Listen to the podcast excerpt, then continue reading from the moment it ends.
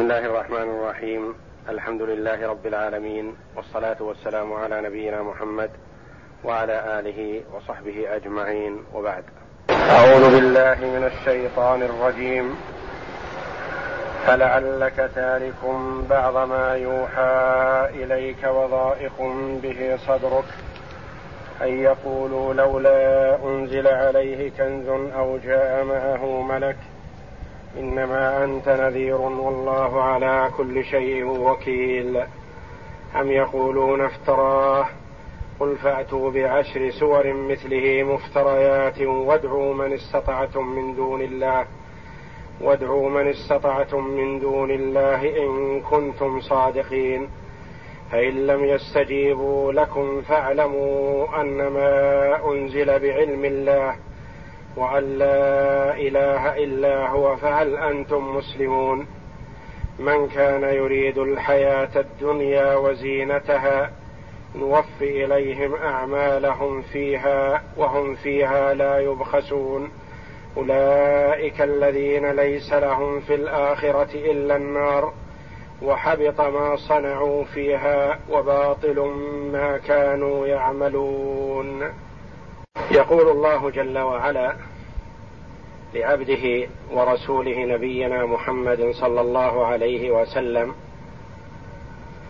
فلعلك تارك بعض ما يوحى إليك وضائق به صدرك أن يقولوا لولا أنزل عليه كنز أو جاء معه ملك إنما أنت نذير والله على كل شيء وكيل.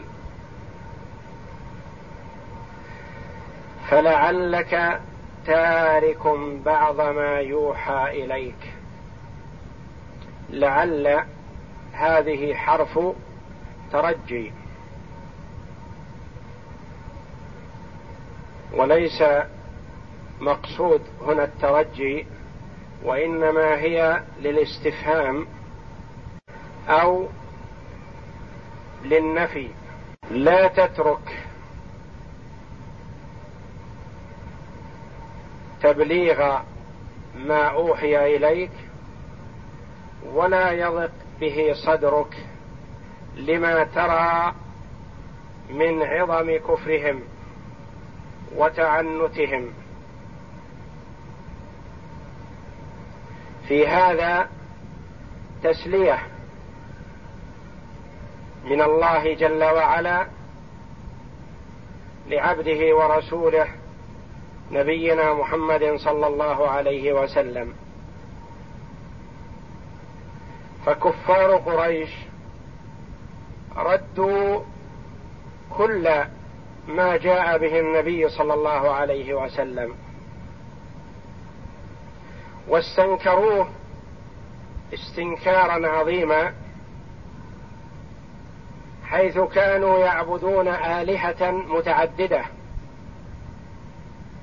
وكل قبيلة وكل قوم وكل أهل بلد لهم صنم يعبدونه مع الله أو من دون الله.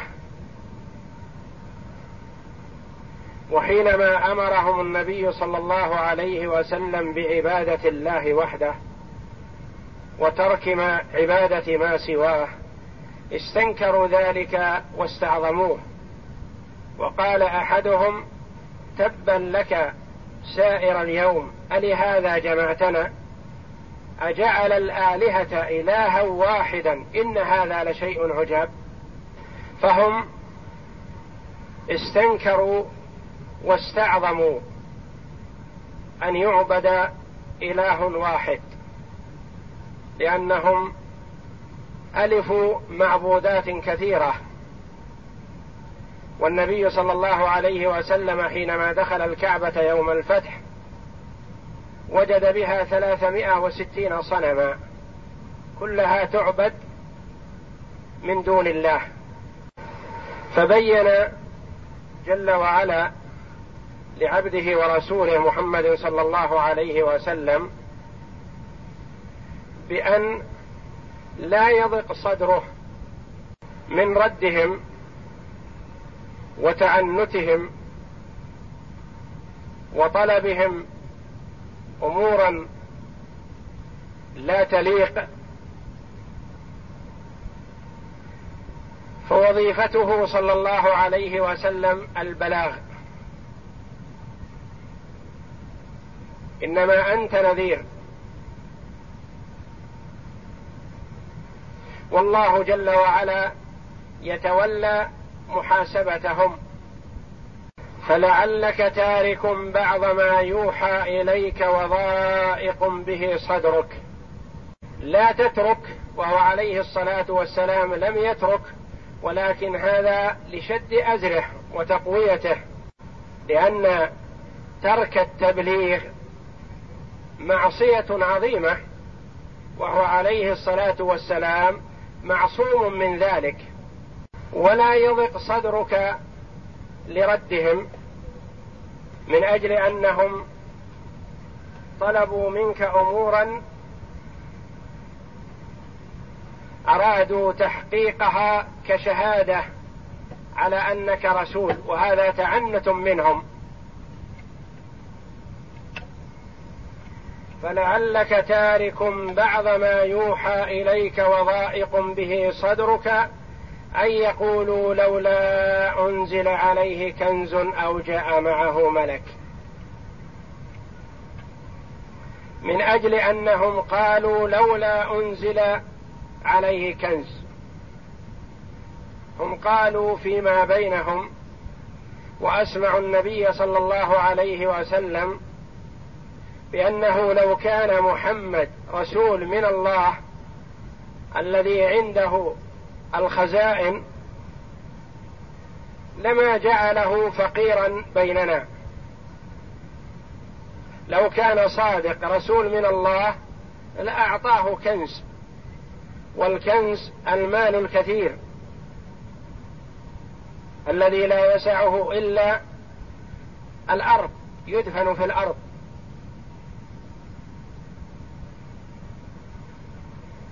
أو جاء معه ملك. نزل معه من السماء ملك من الملائكة يقول إن محمد رسول من الله. هذا مطلبهم. والله جل وعلا أرسل محمدا عليه الصلاة والسلام نذيرا وبشيرا فهو منذر لكفار قريش بالعذاب العاجل أو الآجل إن لم يؤمنوا. فلعلك تارك بعض ما يوحى إليك مما يشق عليهم سماعه. وضائق به صدرك أن يقولوا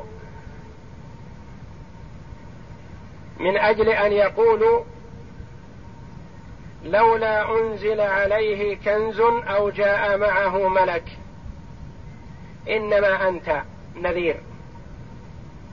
فأنت مرسل إليهم للنذارة لا مرسل من أجل توزيع الأموال أو الثروة أو الرياسة في المال أو البذل وإنما أنت مرسل نذير منذر لهم. وإنما هذه كافة ومكفوفة أداة حصر. يعني وظيفتك بالنسبة لهؤلاء كفار قريش النذارة. تنذرهم وتخوفهم وليس عليك تحقيق ما يطلبون. ولا يضيرك ذلك. إنما أنت نذير والله على كل شيء وكيل. هو جل وعلا الوكيل يحاسب عباده ويتولاهم. من أطاع أثابه الثواب الجزيل ومن عصى عاقبه العقاب الأليم. وهم زعموا أن الرسول صلى الله عليه وسلم أتى بهذا القرآن من عند نفسه ولم يكن من الله. وكما قال الله جل وعلا عنهم في سورة في سورة النحل ولقد نعلم أنهم يقولون إنما يعلمه بشر. لسان الذي يلحدون إليه أعجمي وهذا لسان عربي مبين.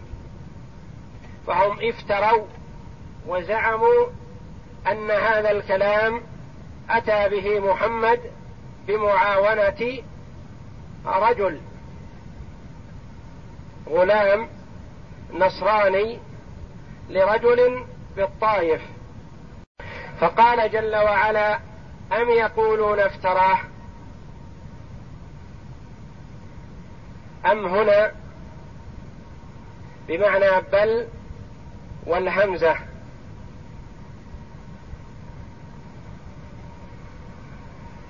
أم يقولون افتراه؟ يعني اختلق هذا القرآن من عند نفسه. فتنزل الله جل وعلا معهم على قولهم إن كنتم تزعمون أن محمدا افتراه. قل يا محمد لهم فأتوا بعشر سور من مثله.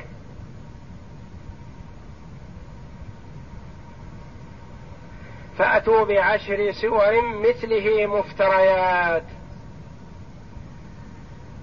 تزعمون أن محمدا افترى القرآن وهذا إفك وافتراء منكم. فإن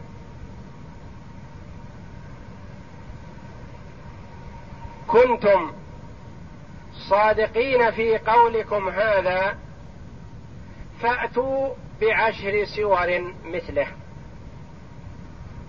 تحداهم جل وعلا بأن يأتوا بمثله. وتحداهم بأن يأتوا بعشر سور مثله. وتحداهم بأن يأتوا بسورة مثله بسورة واحدة. فإذا كان القرآن كما تزعمون أتى به محمد فأنتم أهل البلاغة والفصاحة.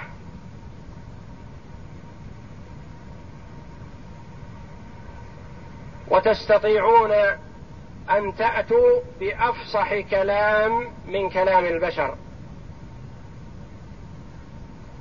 فأتوا بمثله أو بسورة أو بعشر سور أو بسورة واحدة. فلو كان هذا كما تزعمون أنه جاء به محمد لاستطعتم أن تأتوا أنتم بمثله. محمد فرد واحد. وأنتم ومن يعينكم من الكفار ومن تعبدونه من الآلهة اجتمعوا جميعا وأتوا بعشر سور. قل فأتوا بعشر سور مثله. والتحدي جاء على ثلاثة أضرب. تحداهم بأن يأتوا بمثل هذا القرآن.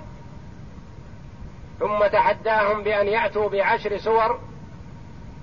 ثم تحداهم في سورة البقرة في أن يأتوا بسورة واحدة. فإن كنتم في ريب مما نزلنا على عبدنا فأتوا بسورة من مثله وادعوا شهداءكم من دون الله إن كنتم صادقين. فإن لم تفعلوا ولن تفعلوا. فاتقوا النار التي وقودها الناس والحجارة أعدت للكافرين. فإن لم تفعلوا ولن تفعلوا. لن تستطيعوا أن تأتوا. فأتوا بعشر سور مثله مفتريات. صفة للسور. تزعمون أن القرآن مفترى؟ فأتوا بعشر سور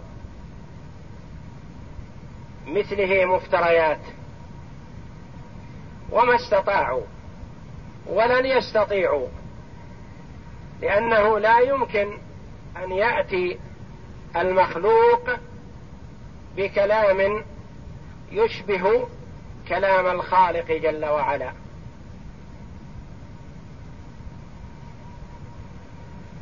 وادعوا من استطعتم من دون الله إن كنتم صادقين.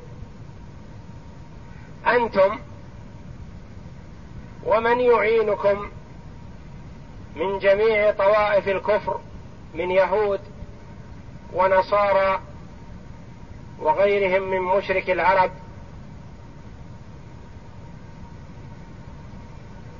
اطلبوا منهم المساعدة والمعاونة.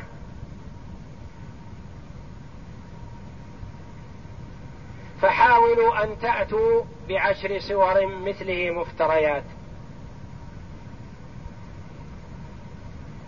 وهذا تحدي وهم لن يستطيعوا أن يأتوا بمثله ولا بعشر سور ولا بسورة واحدة.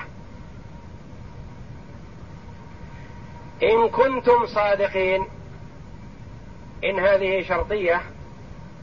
وجواب الشرط أين هو؟ إن كنتم صادقين دل عليه ما تقدم.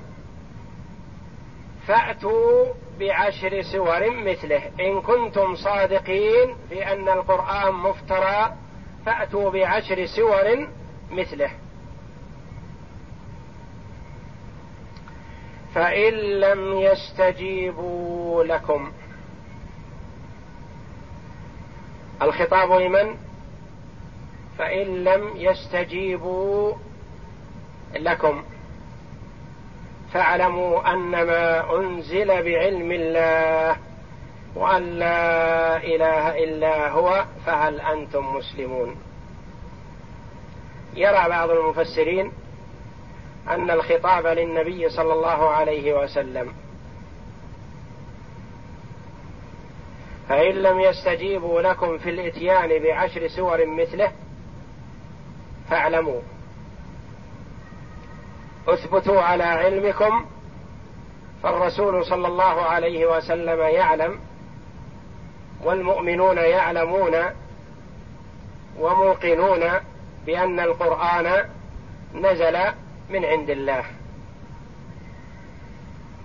اذا الأمر بالعلم أمر بالثبات عليه.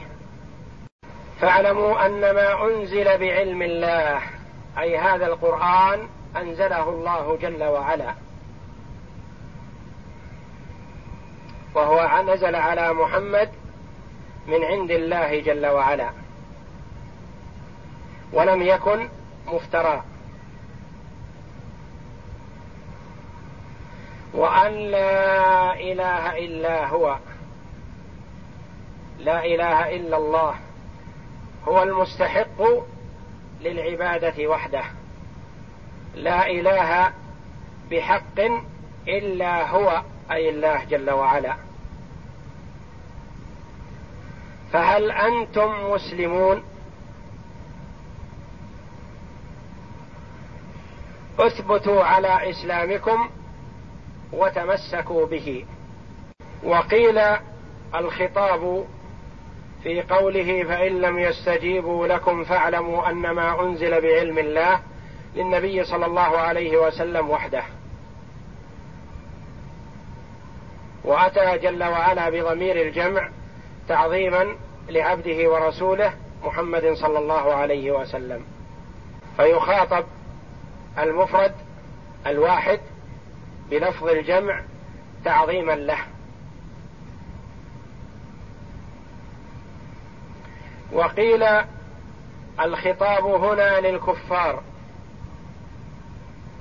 الذين قال الله جل وعلا لهم فأتوا بعشر سور مثله. قال جل وعلا فإن لم يستجيبوا لكم من هم في قوله وادعوا من استطعتم من دون الله فإن لم يستجيبوا لكم يعني دعوتم كل أعوانكم من يهود ونصارى ومشركين من إنس وجن في أن يساعدوكم للإتيان بعشر سور من مثله بعشر سور مثله فإن لم يستجيبوا لكم فاعلموا يا كفار قريش انما أنزل بعلم الله يعني نزل هذا القرآن من الله جل وعلا بعلمه.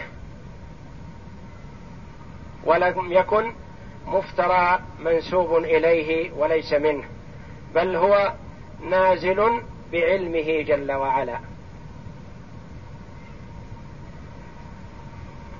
فاعلموا انما أنزل بعلم الله وأن لا إله إلا هو واعلموا أنه لا إله إلا هو جل وعلا. فهل أنتم يا كفار قريش قانعون ومسلمون لما تبين لكم أنكم لن تستطيعوا أن تأتوا بعشر سور مثله. ثبت عجزكم وعجز من استعنتم به فأسلموا. فهل أنتم مسلمون؟ ثم بين جل وعلا أن من الناس من يعمل العمل في ظاهره الصلاح وكأنه يريد به وجه الله وهو يريد به الرياء والسمعة. أو يريد به المال أو يريد به الرياسة أو يريد به غرضا من أغراض الدنيا. فقال جل وعلا من كان يريد الحياة الدنيا وزينتها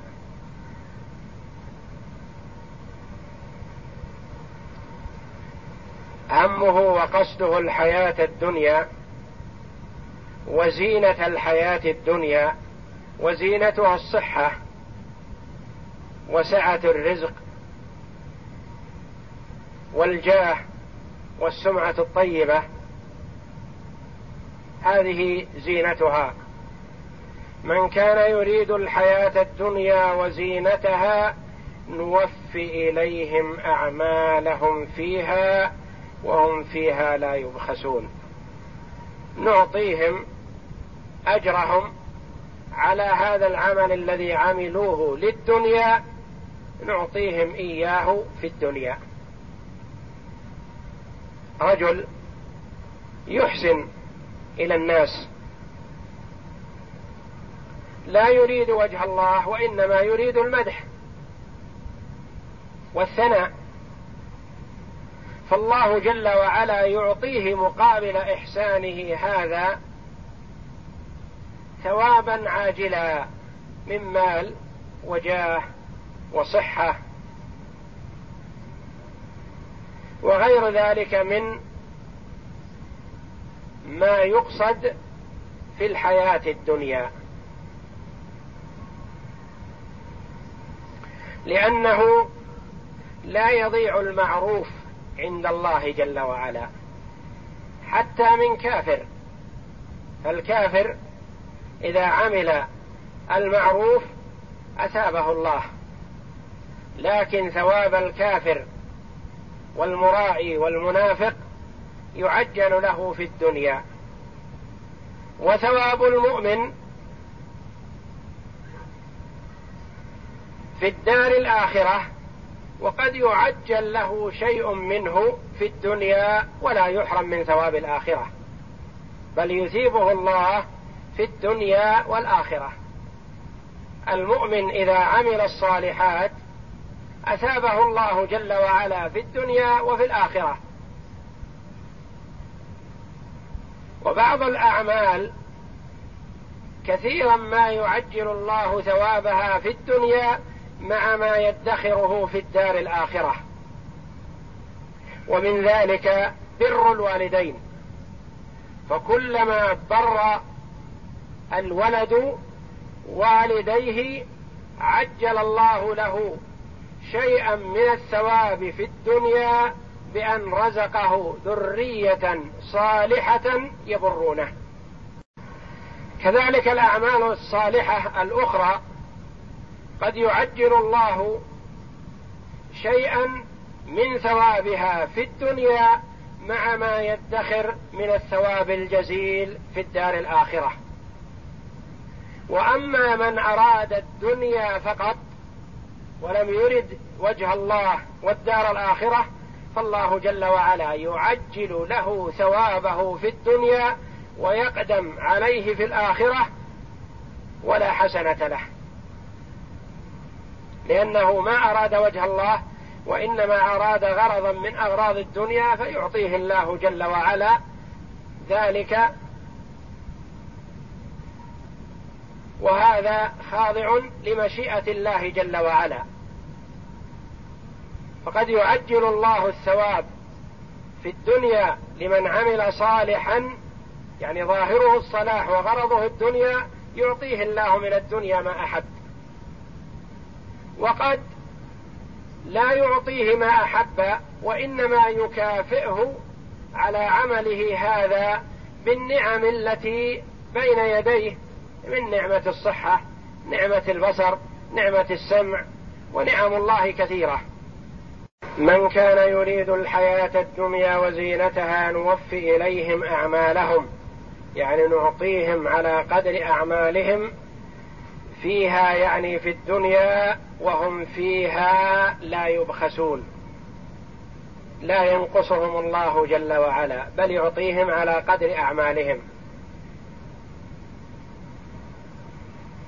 ولما كان عملهم من أجل الدنيا فقط كان ثوابهم في الدنيا فقط. وفي الآخرة لا نصيب لهم. والله جل وعلا يعطي الدنيا من يحب ومن لا يحب. وقد ينعم في الدنيا على الكافر والفاجر كما هو المشاهد والمحسوس. ولا يدل ذلك على الرضا. ولا على المحبة. وإنما يعطيه الله جل وعلا من الدنيا لحكمة إما ابتلاء وامتحان وإما زيادة في أعماله السيئة وإما مكافأة له بأفعاله الحسنة في الدنيا التي يحسن بها إلى الناس الآخرين. وهم فيها يعني في الدنيا لا يبخسون بل يعطون على قدر ما يستحقون أو يزيد الله جل وعلا. أولئك الذين ليس لهم في الآخرة إلا النار وحبط ما صنعوا فيها وباطل ما كانوا يعملون. أولئك من هم؟ من كان يريد الحياة الدنيا وزينتها؟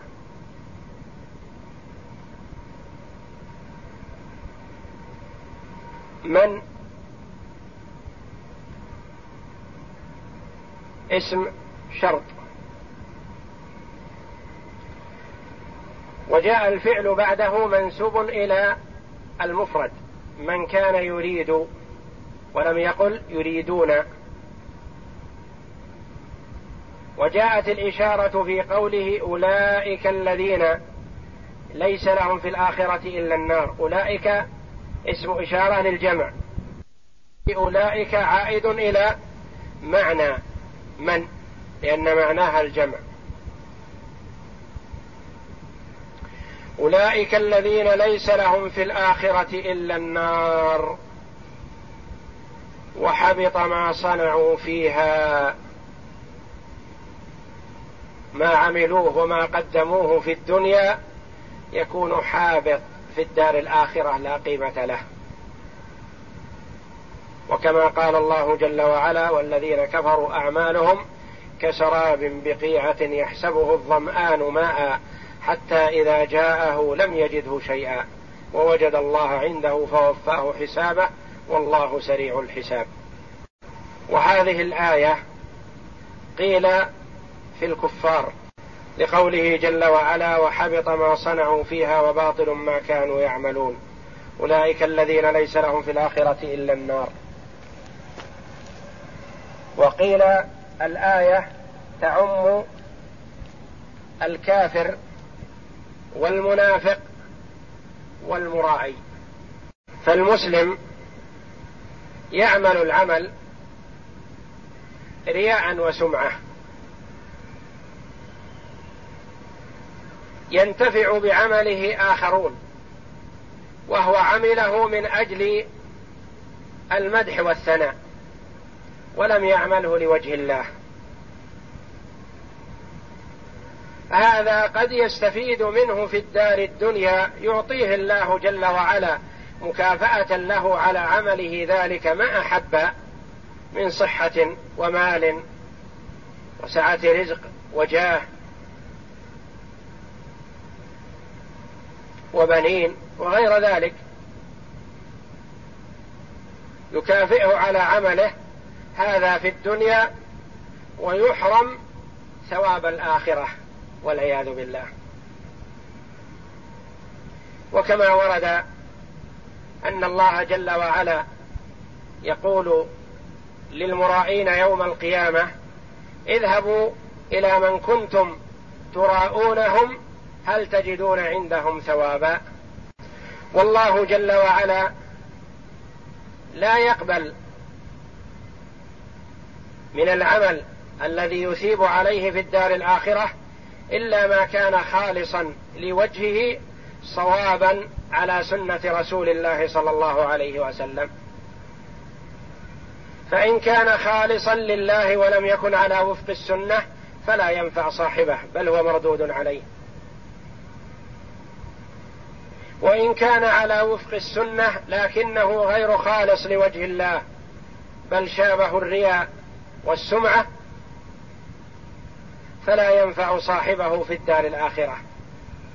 ثم إن كان هذا العمل يتعدى نفعه للآخرين أثاب الله صاحب العمل في الدنيا.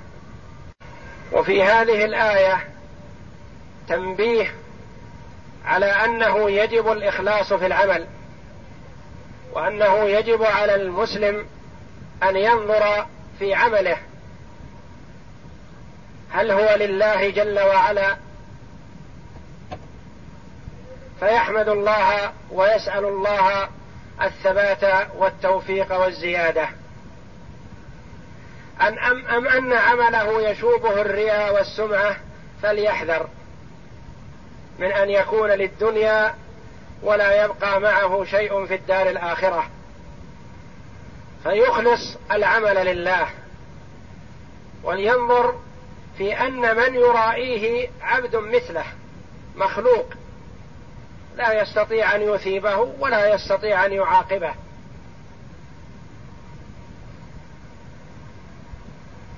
فالعمل يجب أن يكون لمن بيده الثواب.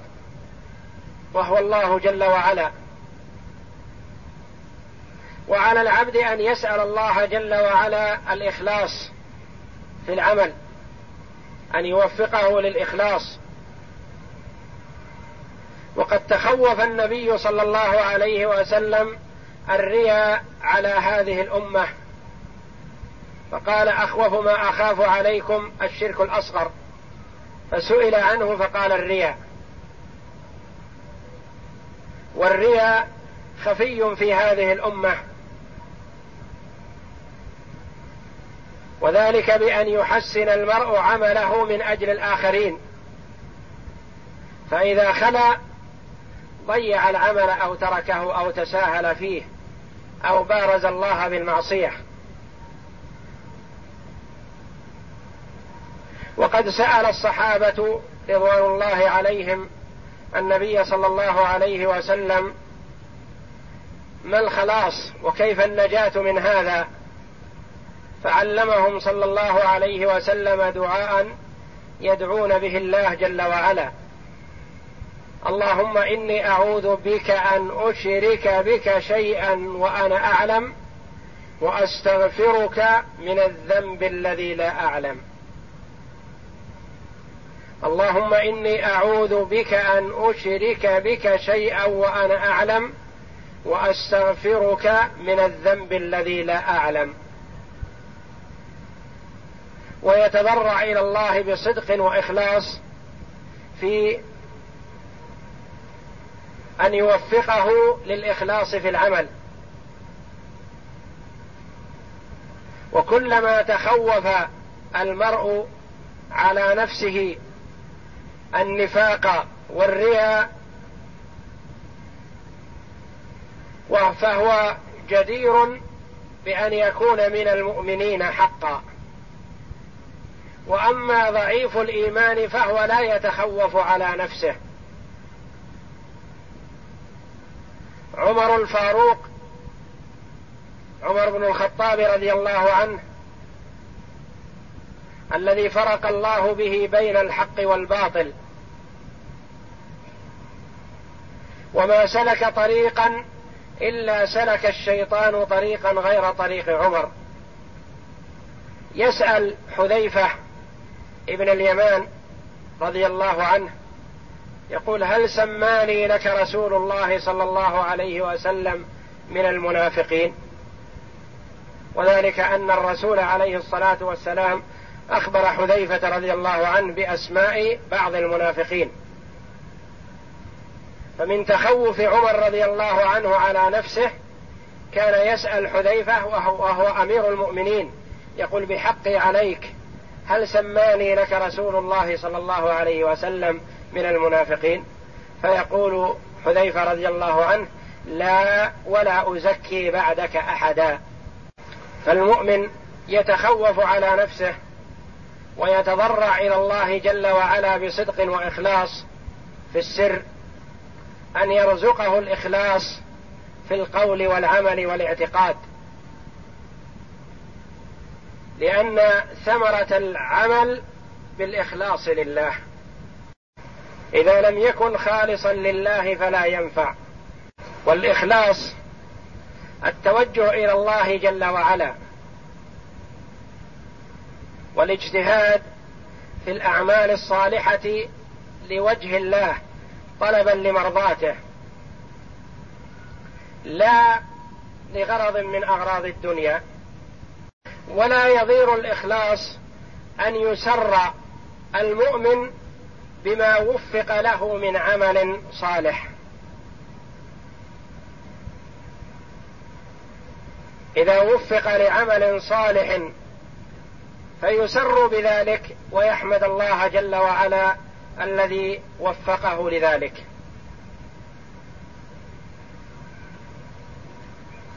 ففي هذه في هاتين الآيتين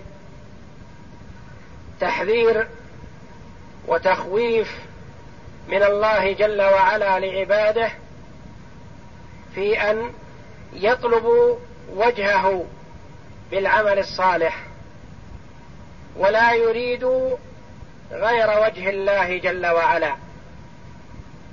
من كان يريد الحياة الدنيا وزينتها نوف إليهم أعمالهم فيها وهم فيها لا يبخسون. أولئك الذين ليس لهم في الآخرة إلا النار وحبط وحبط ما صنعوا فيها وباطل ما كانوا يعملون. حينما يحتاجون إلى هذا العمل الذي عملوه في الدنيا يجدونه باطلا لا قيمة له لأنهم ما أرادوا به وجه الله. أعوذ بالله من الشيطان الرجيم. فلعلك تارك بعد ما يوحى إليك ودائق به صدرك أن يقولوا لولا أنزل عليه كنز أو جاء معه ملك إنما أنت نظير والله على كل شيء وكيل. أم يقولون افتراه؟ قل فاتوا بعشر سور مثله مفتريات وادعوا من استطعتم من دون الله. وادعوا من استطعتم من دون الله إن كنتم صادقين. فإن لم يستجيبوا لكم فاعلموا أنما أنزل بعلم الله.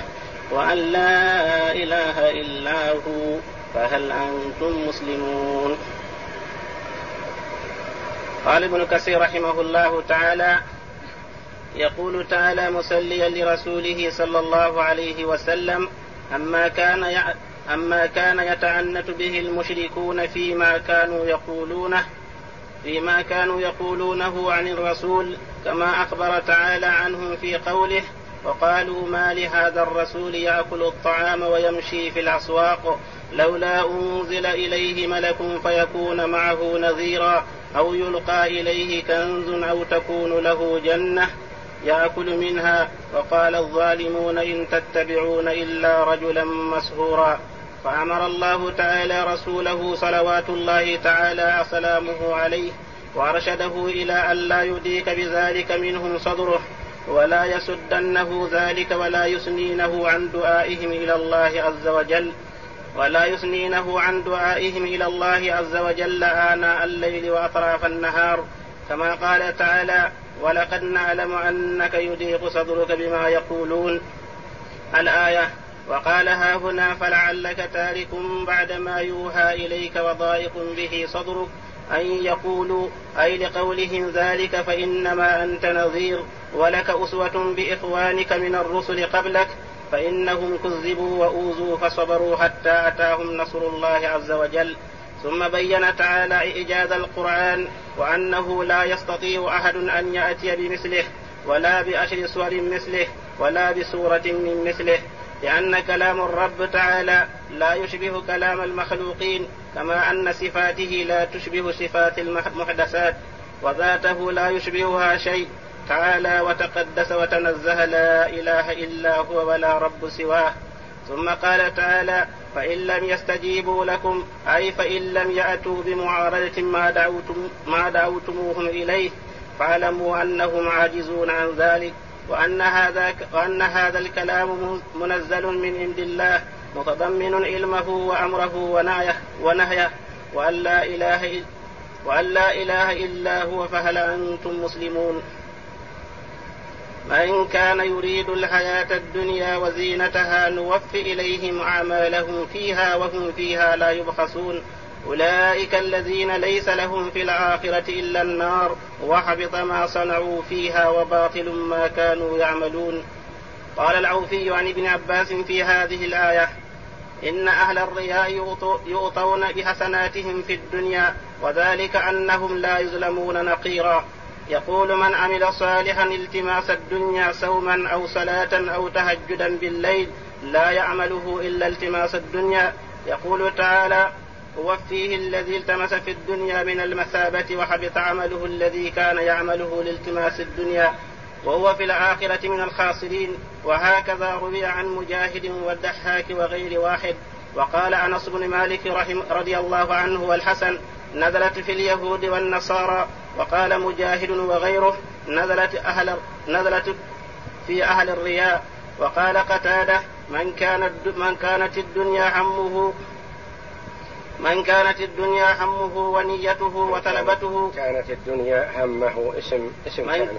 من كانت الدنيا همه ونيته وطلبته جازاه الله بحسناته في الدنيا ثم يفدي إلى الآخرة وليس وليس له حسنة يعطى بها جزاء. وأما المؤمن فيجازى بحسناته في الدنيا ويصاب عليها في الآخرة. وقد ورد في الحديث المرفوع نحو نحو من هذا وقال تعالى من كان يريد العاجلة عجلنا له فيها ما نشاء لمن نريد ثم جعلنا له جهنم يصلاها مذموما مدحورا. ومن أراد الآخرة وسعى لها سعيها وهو مؤمن فأولئك كان سعيهم مشكورا. كلا نمد هؤلاء وهؤلاء من عطاء ربك وما كان عطاء ربك محظورا. انظر كيف فضلنا بعدهم على بعد. وللآخرة أكبر درجات وأكبر تفضيلا.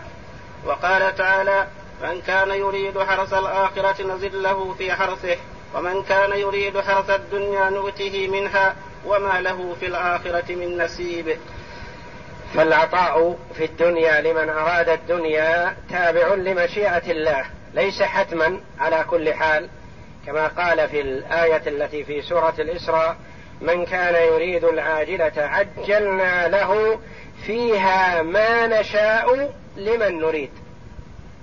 قد يعجل الله له وقد تكون مكافأته على عمله ما أعطاه الله من السمع والبصر والصحة في البدن وغير ذلك من نعم الله العظيمة.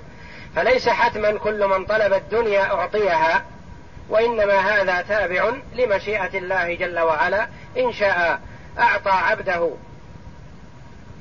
وعجل له الثواب الجزيل في الدنيا ثم يقدم في الآخرة ولا ثواب له. وإن شاء حرمه ثواب الدنيا مع حرمانه من ثواب الآخرة لأنه غير مخلص. ويكون ثوابه على عمله الذي عمله في الدنيا ما أعطاه الله جل وعلا من نعمة البصر والسمع وسائر الحواس والنعم التي في ابن آدم. والله أعلم وصلى الله وسلم وبارك على عبده ورسول نبينا محمد وعلى آله وصحبه